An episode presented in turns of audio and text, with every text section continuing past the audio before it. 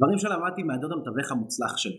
קודם כל, רקע. דוד שלי היה הבן אדם הראשון במשפחה שלי שראיתי כמצליח. היה לו כסף, הוא היה בריא, הוא שמר על הבריאות שלו והוא המשיך לגדול. זה בן אדם שראיתי אותו מתפתח, מתחיל בדירת חדר אחד שבורה, שבה האורחים ישנים על הרצפה, לדירה עם חמש חדרים שהוא לא יודע מה לעשות עם רובם.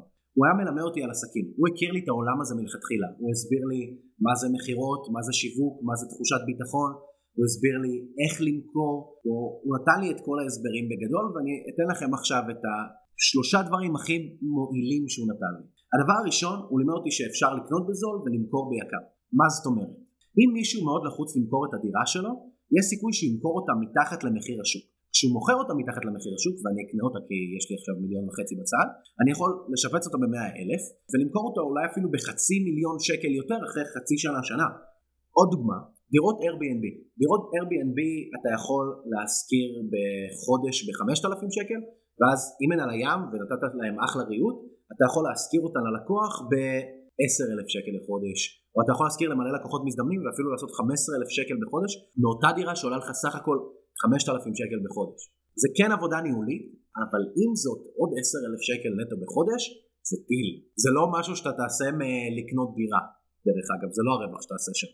הדבר השני, למכור הרבה לאנשים שיש להם הרבה. מה זאת אומרת? חברות כמו פייסבוק לא קונות חלב במכולת. הן בטח קונות ישר מתנובה או מטרה, והן לא קונות בכמות של 1, 2, 3 יחידות. הן קונות בטח כמו מרכז מסחרי שלם. עכשיו כשאני מוכר ויש לי מערכת יחסים של עבודה מול החברות האלה, קל לי לעשות ארגזים כי אנחנו, אנחנו עובדים בקנה מידה מסוים.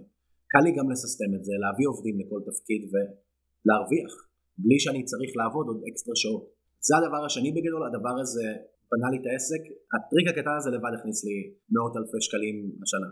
הדבר השלישי והחשוב ביותר זה אל תשרוף את עצמך. כשאתה בן 20 או 30 ואתה נכנס עכשיו לתחום חדש, אחד הדברים הכי חשובים שיש זה תשחק על פי החוקים של המשחק ושל האחרים הגדולים ממך. אם אתה תלך ותחשוב שאתה המאסטר ומכיר את כל החוקים ויודע הכל ותהיה חכמולוג, כולם יעיפו אותך, יזרקו אותך מכל המדרגות, וביום טוב אתה לא תגמור עם תביעות. זה הטעות שיוצא לי לראות במיוחד את הבני 18-19 שנכנסים לעולם העסקים ולא מקשיבים להמלצות ולחוקים שאנשים נותנים להם, אני רואה אותם שורפים את עצמם, וכשאתה שורף את עצמך זה פעם אחת לכל החיים.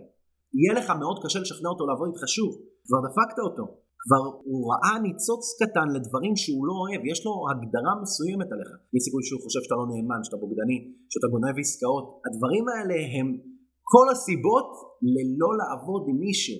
יש סיכוי שהוא החליט כבר שאתה כאב ראש, ואז אין לך סיכוי. נגמר המערכת יחסים שלך עם הבן אדם.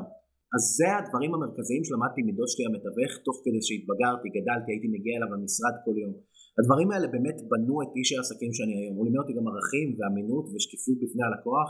אלה דברים שאסור לוותר עליהם בהתנהלות מול הלקוחות שחשובים לכם. אלה דברים שאסור לוותר עליהם בהתנהלות מול לקוחות אף פעם. אלה דברים שבשנייה שמישהו תופס אותך לא אמין, שקרן, אין מזה דרך חזרה. הוא כבר מגדיר את הבן אדם הזה בראש בצורה הזו.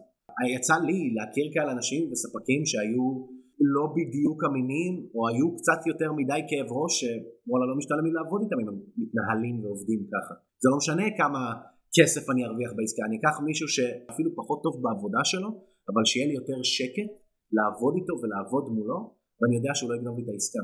כי זה פשוט לא שווה את הכאב ראש. אז אני אדם ברש, תעקבו אחריי עכשיו אם אתם רוצים שזאת תהיה סונת ההצלחה שלכם. הדבר הכי חשוב שיש לי להגיד לכם זה שאין לי שום דבר למכור.